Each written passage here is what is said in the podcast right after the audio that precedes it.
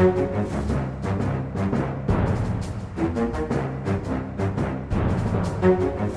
men Så bra. Da er vi i gang med en liten eh, Aftenpodden USA-uke igjen. Jeg sitter på plass, Lars Glomnes, i studio i Oslo. Med sånne store flomlys på meg, det store TV-studio. Helt helt alene. Men på andre siden av Atlanteren eh, sitter du, Øystein Langberg. God dag, god dag. God dag, god dag. Eh, Og du er jo Nå har du gjort den stolte podkasttradisjonen. Du avbryter ferien din for å prate med oss. Er det ikke, stemmer ikke det? Jo, og jeg står jo opp også ganske tidlig for å prate med dere. Det er jo Legger jo et ekstra imponerende lag på det. Men jeg er i Florida på ferie. Miami Beach. Jeg ser palmene vaie Ja, rett utenfor Min, min sånn, litt sånn fordomsfulle oppfattelse av eh, Florida som feriested, er at det er, liksom, det er lekegrinda til liksom Haritas, uh, oljevestlandsrikingene som reiser over. Jeg vet ikke om det går, jeg ser at det går sånn direktefly fra Stavanger, og så parkerer de Porsche Cayenne si på det der, eh, eh, parkeringshuset som brant ned her i vinter, og så flyr det over til et sånt feriehus i Florida. Jeg bare slipper den der ut, jeg. Men eh, du mener at det er at det er en slags Det er et moderne feriested av høy kvalitet. Det er ikke tysk samtidsmusikkfestival i Berlin. Men eh, det spørs hvor man legger lista òg. Hvis man sammenligner med Granca, så mener jeg at det er nivået er høyt. Snakker Florida for mye ned. Det er, det er tredje, gang, tredje gang jeg er her. Uh, Miami Beach. Jeg, jeg er veldig glad i Florida og Miami Beach. Eh, Nå er det jo, Vi skal jo snakke litt om, om Donald Trump og hvordan det står til med, med han egentlig. Og, og vi slipper ikke unna den amerikanske koronavirusdebatten og, og spørsmålene der. Dette driver jo, det fyller jo nå opp i Oslo, så er det, eh, opplever jeg det som at det er det eneste man snakker om. Er det, er det påvirkning på ferielivet ditt, Øystein, med koronaviruset i, i eh, pensjoniststaten Florida? Nei, altså, akkurat nå, Det som var litt stress, er at det er spring break. Så jeg hadde håpa at det skulle være ganske rolig på flyet ned pga. koronasituasjonen. Eh, men det var Vi båla ganske tidlig, og så tenkte jeg at dette kommer til å gå fint. Og så kom det ja, 100 kids inn rett før dørene stengte, og fylte resten av setene i flyet.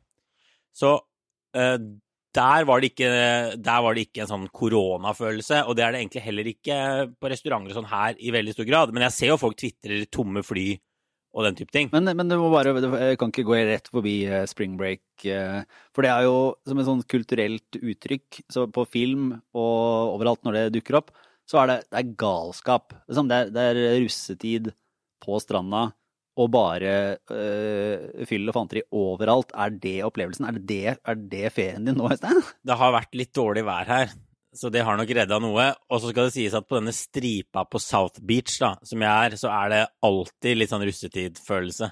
Så det er ikke sikkert det er så, så mye verre denne uka her. Men altså, jeg overlever, jeg. Ligger på stranda og slapper av. Jeg ser for meg sånn derre chug, chug, chug, chug. Og så kommer du med sånn trakt og øltønner og alt det opplegget der. Nei, Det ikke, du har ikke blitt Nei, spist jeg over har det? printa ut noen kjipe rapporter om USA som jeg skal lese, som kan resultere i mye gode saker utover, utover våren. Og uh, sammenligningen med Granca, da, hvis vi skal ta den en takk videre, så har jo Miami kultur. Og for eksempel bra musikaler. Her om dagen så var jeg og kona mi og så musikalen Hamilton her i Miami. Ah, som ja. er på tour gjennom USA med et sånt teaterkompani. Som rett og slett var veldig, veldig bra. Ja, for det, altså, det, er jo, eh, det er jo da musikalen som har gått i New York nå i flere år. Har på en måte vunnet alt av, eh, av priser og, og alt mulig rart. Han, hva heter han, Linn Manuel Miranda som har laget den og er Men hva skal den kalle det? Er det en slags det er en moderne hiphop-musikal om eh, altså Founding Fathers, de første eh, politikerne i Ja, USA? det er riktig. Og særlig Alexander Hamilton, som, er- som, som, som denne musikalen kanskje mener ikke har fått den oppmerksomheten han fortjener. Og den har vært utrolig populær. Jeg tror den kom i 2015-2016, og det har vært fulle hus på Broadway siden. Og det er så dyre billetter. Og vi har prøvd å se den i New York, og jeg sjekket her om dagen. For oss to, jeg og kona mi, kosta det 450 dollar. Og da sitter du bak en søyle, Oi. helt bakerst i salen. Så det er bare svindyrt, og vi fikk billigere billetter her i Miami. Og det, så det var bare en mulighet som bød seg. Eh, men det går i London nå, altså det er muligheter for nordmenn å se den. Og den skal også komme ut som en video, tror jeg, neste år.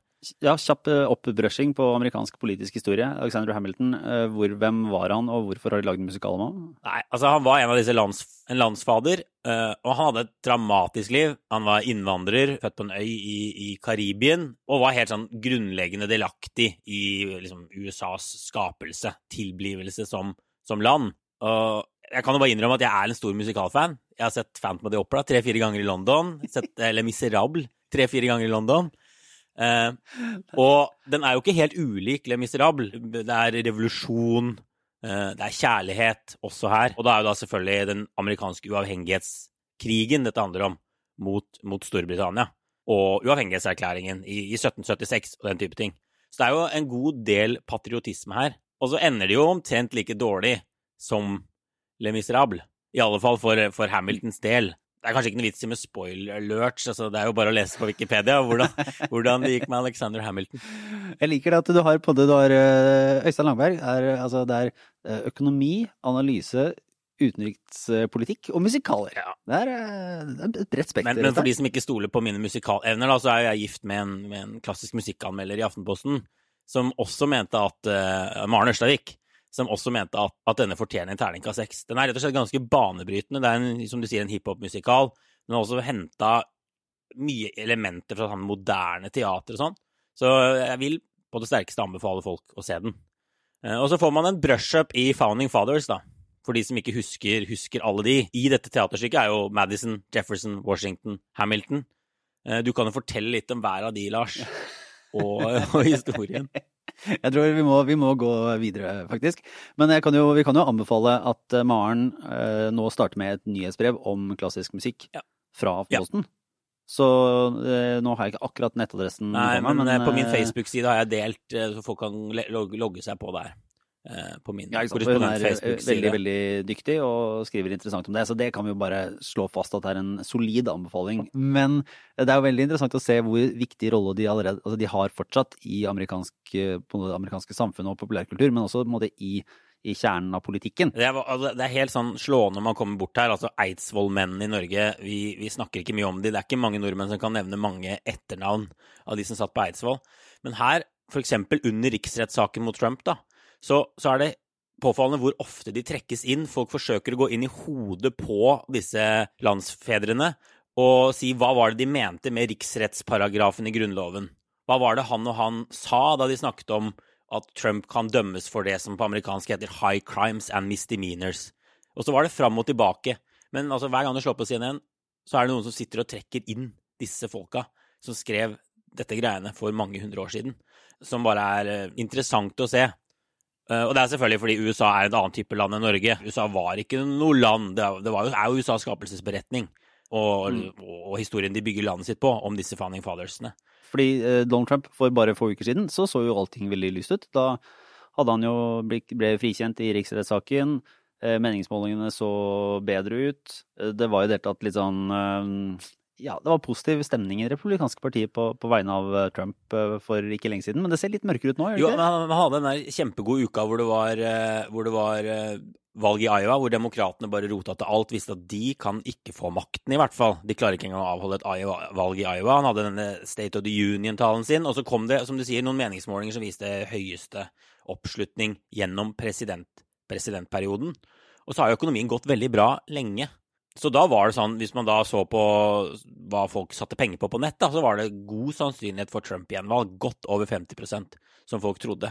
I dag så ser det helt annerledes ut. Mm.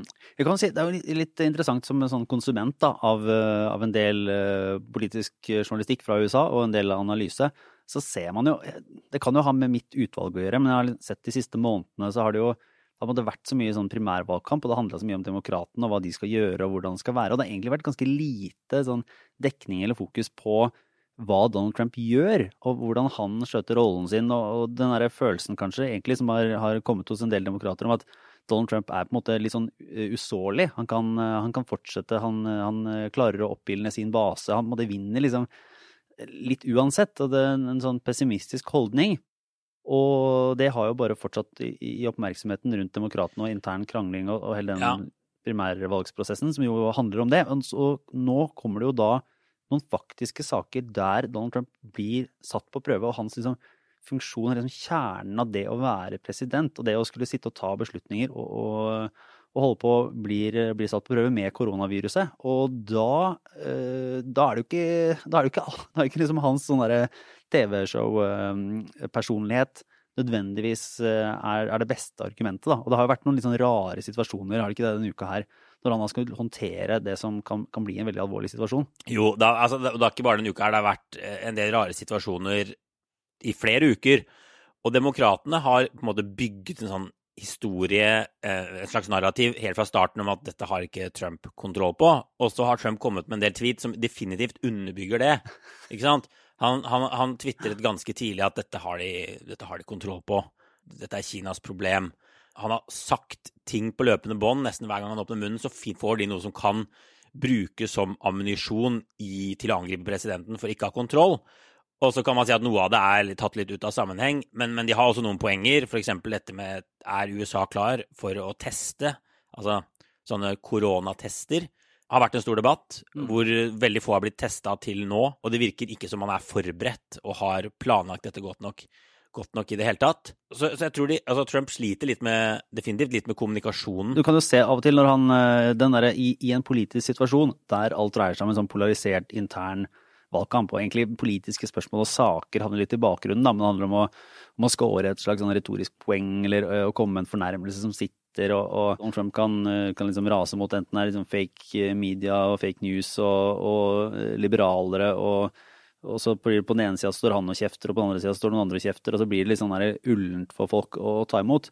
Men det når han skal stå og faktisk uh, informere folket om en, uh, en alvorlig situasjon, så, så ser altså, det ser jo Det er jo ikke sånn veldig tillitvekkende. Så jeg tror mange vil bli spurt om sånn Vil du at denne mannen skal ha ansvaret for at en stor pandemi ikke dreper titusenvis av mennesker i USA, så, så må det være ja, Det er mulig det blir litt for kommenterende her, men det, det, er ikke alltid like betryggende å se han uttale seg om dette. Nei, jeg tror et hovedproblem er jo at altså, pressekonferansen hans det, er en ting man må kunne si når det ikke handler om koronavirus, er at Trump kan være en ganske morsom mann på pressekonferanser. Eh, jeg har vært på noen hysterisk morsomme pressekonferanser med ham, blant annet i Nato, hvor han har tatt spørsmål fra fra Gud og hvermann.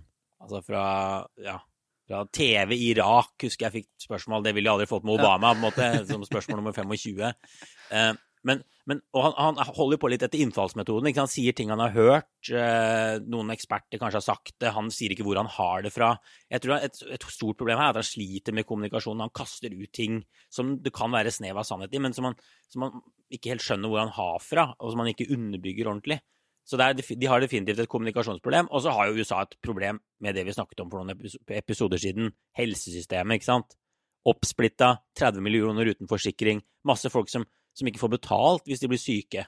Eh, om å være borte fra jobb, så de må gå på jobb uansett. Ja, for det ene er jo, ene er jo den eh, problemstillingen sånn Hva er det politiske problemet for Donald Trump eh, på et sånn, nesten sånn politisk spillområde, eller tillitsspørsmål. Det andre er jo om det amerikanske samfunnet og helsevesenet er rigga for å ta et sånt stort fellesløft. Ja, og man ser definitivt potensial for at dette kan bli ganske ille i USA. Det er jo de scenarioene som, som, trekkes opp nå.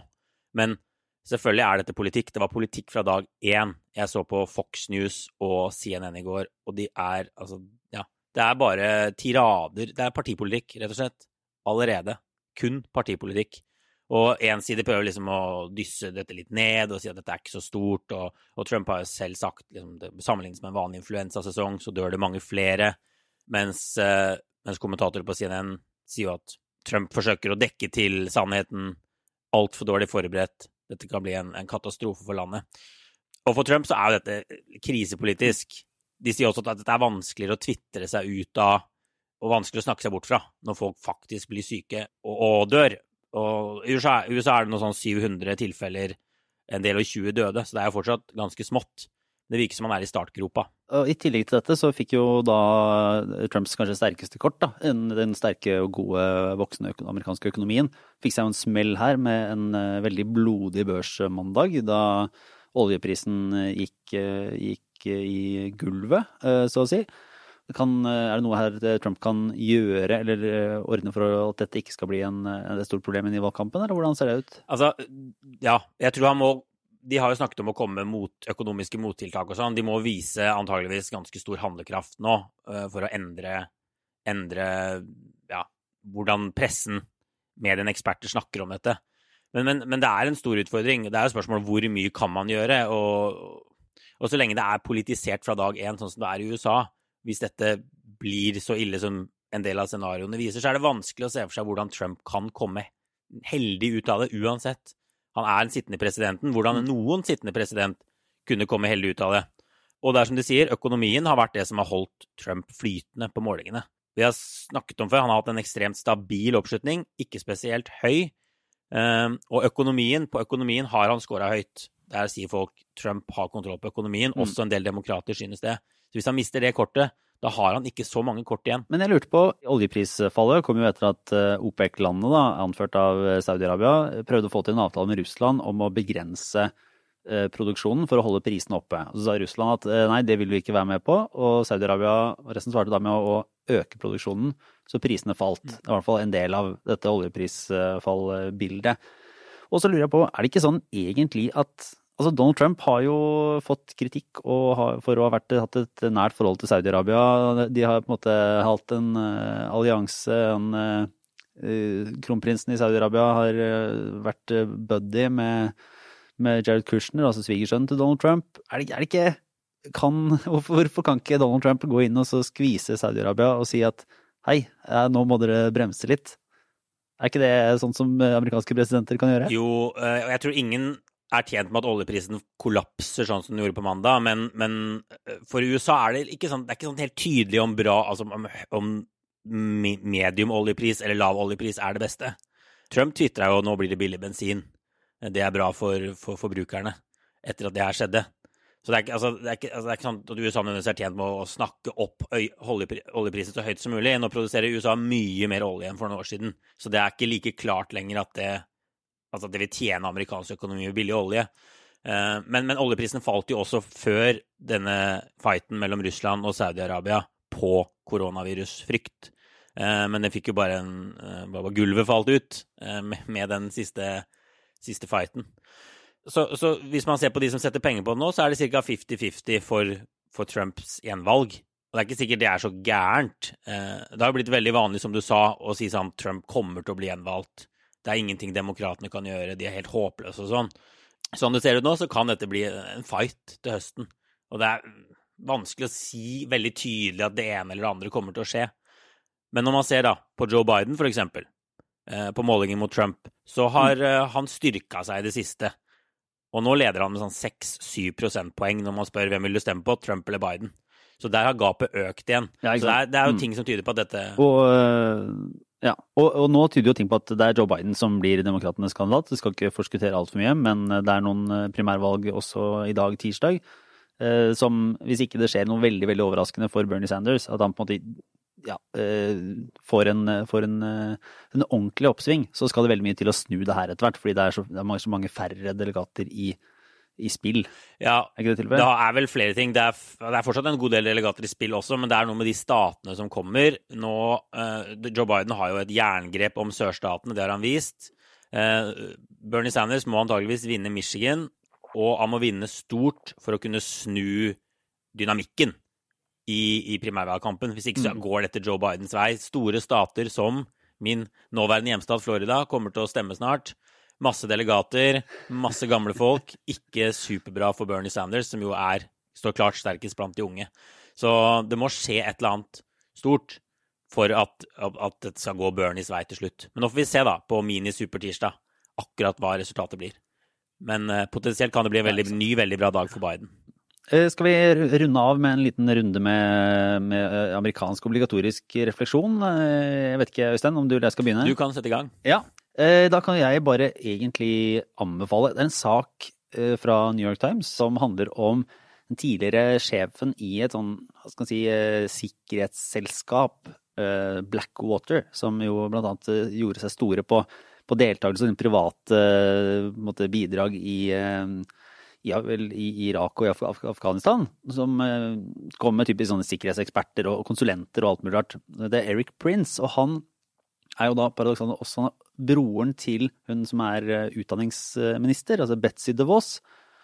Og han er jo omstridt fra før, da, fordi disse Blackwater er jo typisk sånne selskaper som opererer i eh, litt sånn gråsoner eh, og, og, opererer i, situasjoner der det er veldig høy risiko, anklaget for å ha drevet med litt av hvert, i Irak blant annet.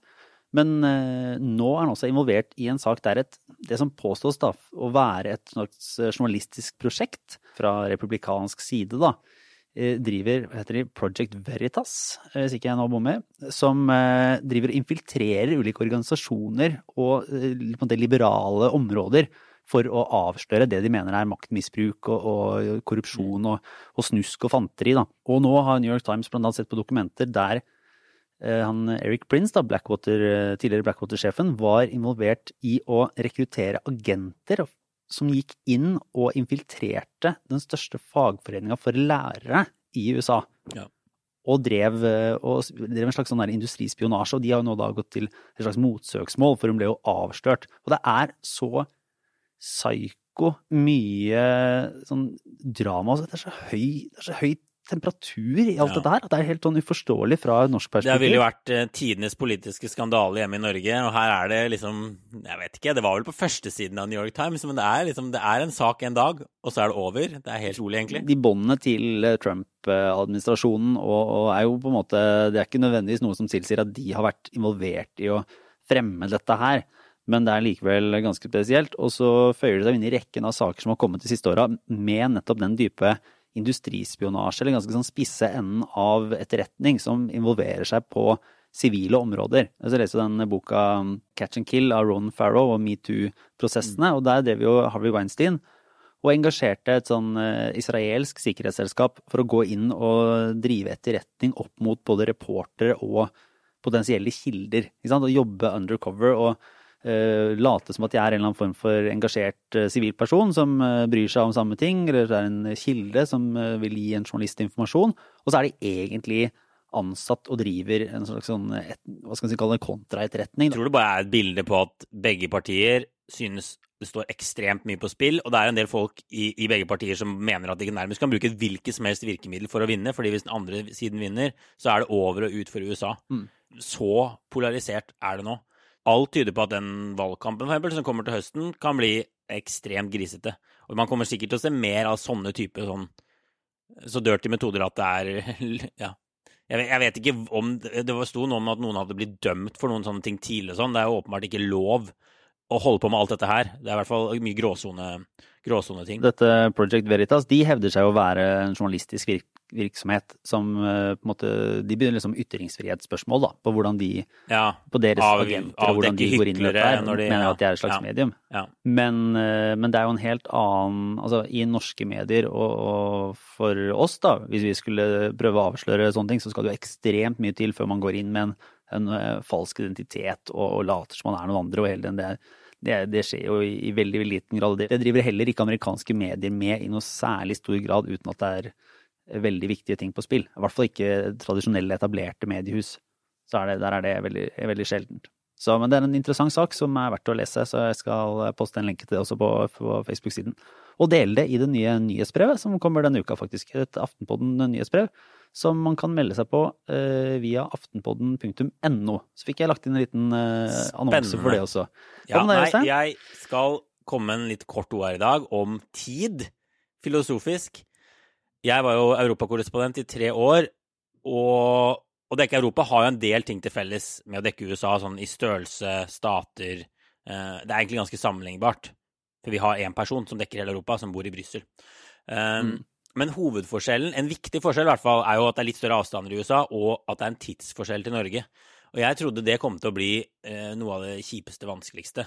Eh, å jobbe når man ikke får tak i folk på jobb, f.eks. Ja, for det, var, var, det at, var, det at, det var vanskelig å få svar, eller var det at du skulle bli oppsøkt på tidspunkter som var vanskelig for deg? For det er jo, det er liksom to sider av ja, dette. Ja, begge deler, egentlig.